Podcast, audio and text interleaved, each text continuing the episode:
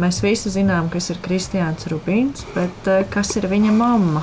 Māma ir vienkārši sieviete, bijusi sportiste. Trīs bērnu māte, sieva, bet primāri jā, es esmu mamma, lielo burtu. Visu savu dzīvi esmu veltījusi bērniem. Gan Kristians kādreiz smējās, viņš teica, ko tu no tā iegūsi. Tev nav ne sporta karjeras, ne mani biznesa. Nu, principā nekā, es kā nekā. Man ir trīs burvīgi dēli, un es dzīvoju principā arī daļu viņa dzīves. Priecājos, man ir mazdēliņš. Es esmu ļoti laimīga sieviete. Jūs esat kupla ģimene. Jā, mums ir pieci bērni, man vīram jau ir divi. Mēs esam no bērnības viņus audzinājuši arī visas brīvdienas, visas ceļojumi. Mums ir bijuši kopīgi. Tā kā mūsu ģimene visu laiku kopā, mēs tā cenšamies kopā turēties.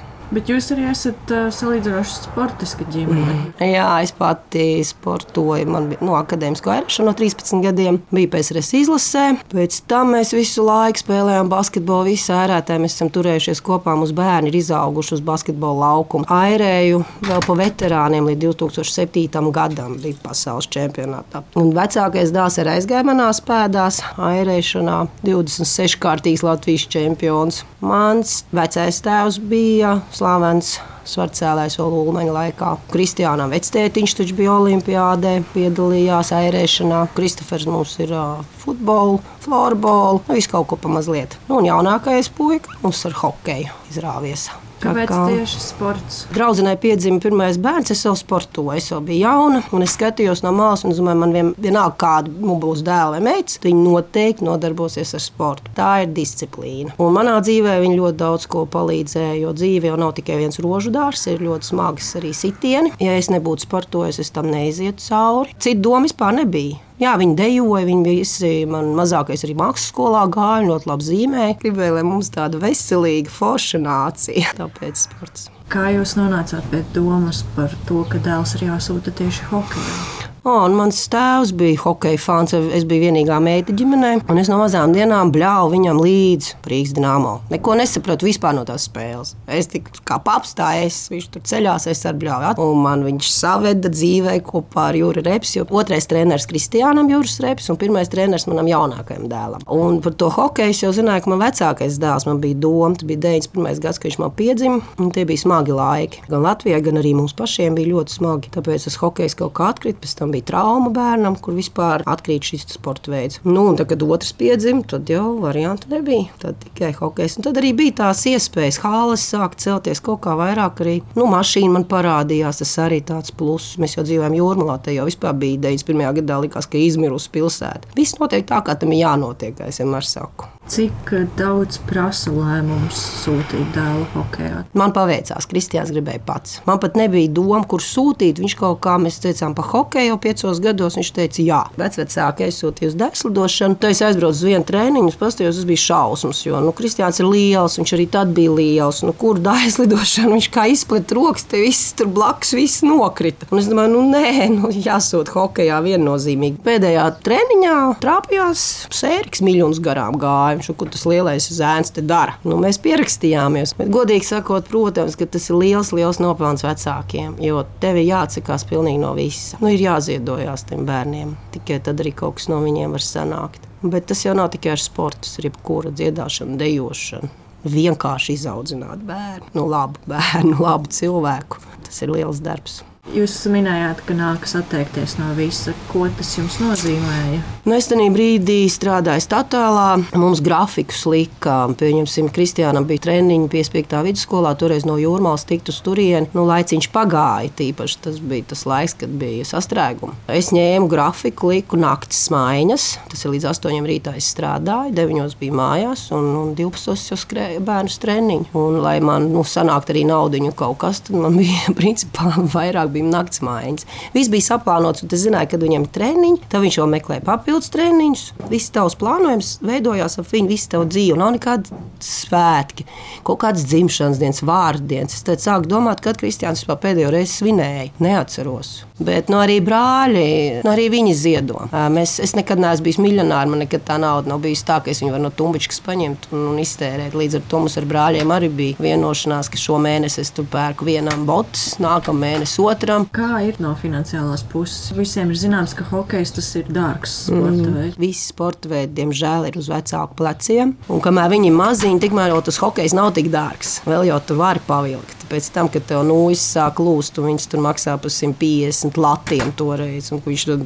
vienā turnīrā divas salauž, tās ir reāla alga. Bija labi, paldies Dievam, nenācās ne māju pārdot, ne ieķīlāt, neko tādu nevajadzēja, jo vīrs strādā un pelna un spēja uzturēt mūs. Bet vienalga bija tie 2008. gads, kad bija krīze, vienalga tu no kaut kā atsakies. Bet tas atmaksājās. Arī tad, ja nav ne tās sudraba, ne zelta, ne bronzas, ja arī nav medaļu, vienalga atmaksājas, ja tu redz, ka tu esi izaudzinājis vienkārši foršu cilvēku to nevar izrēķināt, cik tu esi ieguldījis, nu, cik maksā mātes mīlestība, cik maksā negulētas naktis, ka bērns ir slims. Nu, to nevar izrēķināt, bet pats hokejs, jā, viņš ir dārgs. Un aizlidošana vēl dārgāka. Kā spējāt uh, atrast laiku sev? Kad bija jaunāka, tad liku bērns gulēt, gāja skriet. Tā kā bērni bija jau tādi lielāki, tu nevari viņus no viena vienlaicīgi visus nolikt gulēt. Tad mēs gājām kopā. Mēs bērniem esam apmeklējuši pilates kopā, basketbolu.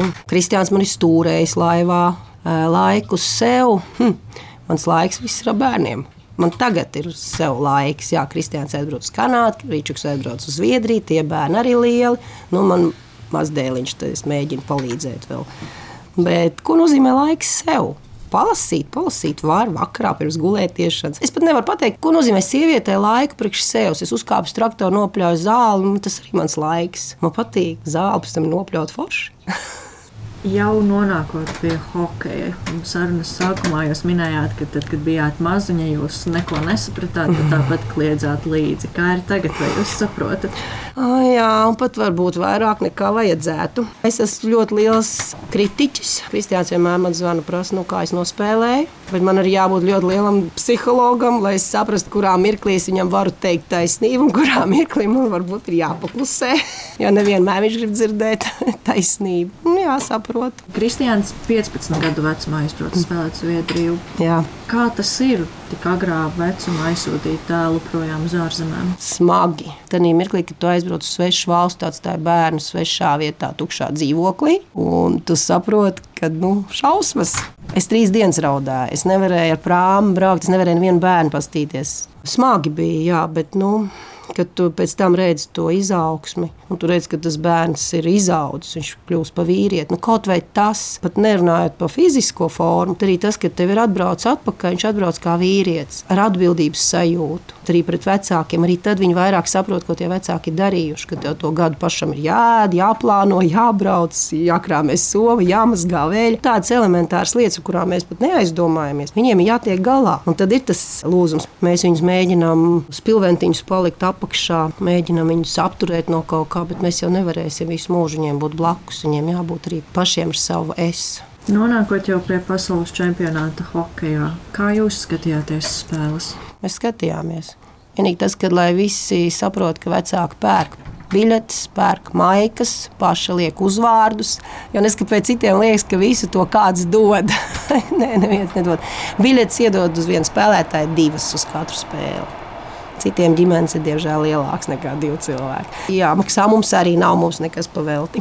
Kādas jums bija sajūtas, kad jūs sapratāt, ka jūsu dēls būs daļa no komandas? Nu, viņš man zvanīja pēc tās spēles. Viņš teica, māmu, ko man darīt tur pret Šveici. Un viena spēle viņš ielido ļoti vēlu, kā uz viņu skatīsies. Viņš pārdzīvoja, protams, ka pārdzīvo. Viņi visi pārdzīvo, viņi visi ļoti emocionāli cilvēki. Bet, nu, ja tevi sauc, tev ir jābrauc. Es esmu liela patriota, man bērni arī. Līdz ar to nebija tur jautājums par to, vai viņš grib vai negrib pārstāvēt. Viennozīmīgi grib. Vienkārši viņš baidījās, vai tiešām būs no viņa kāda jēga jēga. Nu, tādā ziņā, bet nu, redz, viss sanāca tieši tā, kā tam ir jābūt. Skatoties spēles, mēs redzam, kā fani seko līdzi, kā viņi pārdzīvo, gan kliedzot, raudot, un ar ovācijām un, un visu pārējo. Bet kā ir mammai skatīties spēles?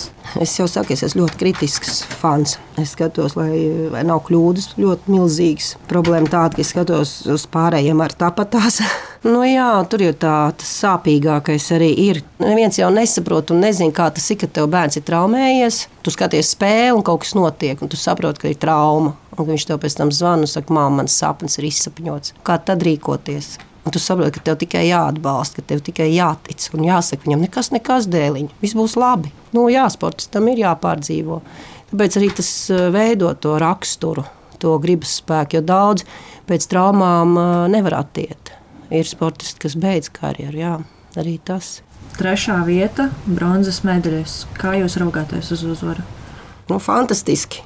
Čāļi izdarīja neiespējamo. Mēs, kā maza tauta, Latvija, bijām sen to pelnījuši. Mums bija jāparāda lielvalstīm, ka arī mēs mākam spēlēt hokeju, un ar mums ir jārēķinās. Kādas jums bija sajūtas skatoties pēdējo spēli? Viņš jau iepriekšējās spēlēs, es redzēju, ka viņš iet uz golu. To varēja redzēt, jo viņš kā aizsargs, viņš skrēja uz priekšu un centās. Un man likās, ka jābūt tam golam. Protams, mēs neviens nezinām, kad viņš būs. Tad, kad bija 3-2, it kā tajā mirklī visi pagura, tad, bet tas bija sekundžu simtdaļa. Es tajā mirklī padomāju, ka eh, Kristiānam ir jāiemet. Tanī brīdī man pat nebija šaubu, ka viņš iemetīs. Es nezinu, tās 5-6 minūtes, kamēr vēl pagāja, ka mēs jau bijām 3-2 iedzinējos, un ka viņš uh, atvēzējās. Es reāli sapratu, ka būs gols. Tas, ka es 4. golu neredzēju, nesapratu, ka tas ir viņš, kurš iemet. Man liekas, ka jāizlīdzina, un tad jau overtājumā, nu tad redzēs, kā būs. Bet tad mēs vienalga būtu pacīnījušies un godam pacīnījušies ar Ameriku. Cepuru nošķaļiem, vaigiem malečiem. Nu, faniem arī, jo tad, kad arī Kristiāns teica, ka sāka bļaut Latviju. Latviju viņš ar pilnīgi kājām palika vieglāk. Mēs sapratām, ka mēs varam, ka jāiet uz to golu. Un tad jau arī bija tās spēles, pēdējās 12 minūtes. Principā mēs arī spiedām. Bija ļoti maz pretuzbrukumu, vai nu tāda sajūta, ka amerikāņi likās, ka ai, mēs jau vinnējām viņus. Nebija tāda spiediena vairs. Mums izdevās. Un kad jūs sapratāt, ka jūsu dēls iemeta to liktenīgo golu? Tad, kad viņi jau dabūja medaļas ap kaklu. Ja mēs visi priecājāmies apkārt, vecāki viens otru apskāvām. Mums tajā brīdī, liekas, nebija nemaz svarīgi, kurš iemetis vai kā tas, kad mums ir tā bronza, ka tiešām nu, mazā Latvija ir izcīnījusi. Nu, lai neviens nepārprot, nav man tāda sajūta, ka viņš ir tas varonis. Viņu vietā varēja būt jebkurš cits. Un kā viņš pielika īstajā mirklī to īsto nu, noju, un tā arī vārtos. Un mēs esam visi uzvarējuši. Visa Latvija ir uzvarējusi. Vai tēlam nav zvaigžņu slimība parādījusies? Nav. To jau arī ir jāmācās no bērnības. Tad, kad es viņu aizsūtīju 15 gados uz Zviedriju, viņam visu laiku tikai teica, tu neaizmirsti, ka tu esi no Latvijas, tu neaizmirsti, ka tu pārstāv ne tikai sevi, bet arī visu Latviju un arī savu ģimeni. Arī, kad saka, ka naudu kādam ir ļoti daudz naudas, tas arī ir Dieva pārbaudījums. Kā tu māki ar to naudu rīkoties? Vai tu ņem tikai sev, vai tu māki arī dalīties? Tāpat arī ar slavu. Un slavā ir arī otra medaļas puse. Tad brīdī, kad tu esi slavens, beigas labi, pēc tam jau tā slava arī noplūk. Un kas ir pēc tam? Tu nebūsi visu mūžu tas hokejs ar to medaļu kaklā. Tu būsi vienkārši Kristiāns Rubīns. Un kā tu savu dzīvi pēc tam nodzīvos? Un vai par tevi teiks, o tas, jā, nu, tas jau bija super hokejs, nu jā, bet cilvēks nu, tāds ne īpašs. Labāk, lai tu esi labs cilvēks, lai ir ar ko lepoties visiem pārējiem, kad jā, man ir super kaimiņš tur vienmēr palīdz. Un nevis man tur kaimiņš hokejs. Nu, tā ir tā audzināšana, nu, ko vecāki ieliek. Kā notika tā sagaidīšana, kā jūs devāties atpakaļ uz Latviju? Nu jā, tā kā mēs jau biļetes nopirkām iepriekš, mēs nezinājām, ka būs vēl kaut kāda papildus reizes. Mums sanāca, ka mēs ielidojām tā, ka jau hokeisti bija pie brīvības pieminiekļa. Un mēs sapratām, ka nu, nav jēga mums tur vairs braukt, jo viņi iet pie prezidenta. Mēs jau pirms tam, Kristians bija uzrakstījis brāļiem, kā ir iespēja ģimenēm, bija autobusu norganizēta, un tā brāļi bija tur. Nu, mēs, diemžēl, nē, bet es sagaidīju mājās ar zāli nopļautu un vakariņām. Jūs nebijāt klāt sagaidīšanā, bet noteikti redzējāt un dzirdējāt, cik liels skaits tur cilvēku bija. Neticam, es saku, mūsu fani paši labākie. Mūsu tauta ir vienkārši fantastiska. Nepavēl vēl tas esmu patriots savas valsts. Forši cilvēki pie mums dzīvo paši labākie. Paldies, paldies, paldies viņiem! Čempionāts ir galā. Kas eh, notiek tālāk? Darbs! Treniņi. Nē, nu labi, jūnijas būs visiem miers, bišķiņi. Jūlijas jau viss sākās jau treniņi, jau ir treneri, jau sarunāti, visi jau zina, visi jau gaida. Kādiem žēl sportistiem tas laiks ļoti īss brīvības. Ko darīs mamma? Kopā ar viņiem trenēšos. Man ir uh, forši, man bērni ņem līdzi viens treneris, pie kā mēs visi trīs trenējamies arī tāda kopā būšana. Audzinot, tu tiem bērniem nevari pateikt, kas ir pareizi vai nepareizi, ja tu pats stāvēsi aiz stūra, pīpēs un iedzer sāliņu. Un viņam teiks, nē, nē, nedrīkst ne pīpēt, ne dzert. Mēs esam paraugs viņiem, un, un mums ir jāatsakās varbūt jā, no savām kaut kādām, lai, lai tie bērni izaugtu ar pareizām vērtībām, lai viņi ne tikai dzirdētu, bet redzētu. Un es ar bērniem, jā, es vienmēr esmu viņiem trenējusies kopā. Lai viņi arī redz, ka arī mammai ir grūti, ka arī mammas viedrus līst, un tad arī pie tā borta es varu kaut ko pateikt vairāk. man ir tad pilnīgas tiesības. Tā galvenā veiksmes atslēga ir plānošana, ticēšana. Atbalstīšana viennozīmīgi, jo sportistam nav tikai veiksmīgi gadi un iemesti goli, ir traumas un ir smagi gadi. Bet vecākiem ir jātic līdz pēdējiem. Mīlestība, protams, bez mīlestības var nekur. Bet nu, ir jāatbalsta, ir jāatbalsta, jo viņi meklē to atbalstu. Un kam tu paprasīsi draugiem? Nu, nē, vecākiem. Ja ir tās labās attiecības foršās, ka tev naktī var bērns piezīmēt, un pateikt, kā viņš jūtās, ka es gandarījums, tu saproti, ka tu esi izdarījis neiespējamo. Jo man eh, puikas uzrakstīja māmiņu dienā, ka es esmu ne tikai mamma, bet arī labākais draugs. Tas ir forši. Tas bija to vērts. Paldies jums! Nav pa ko.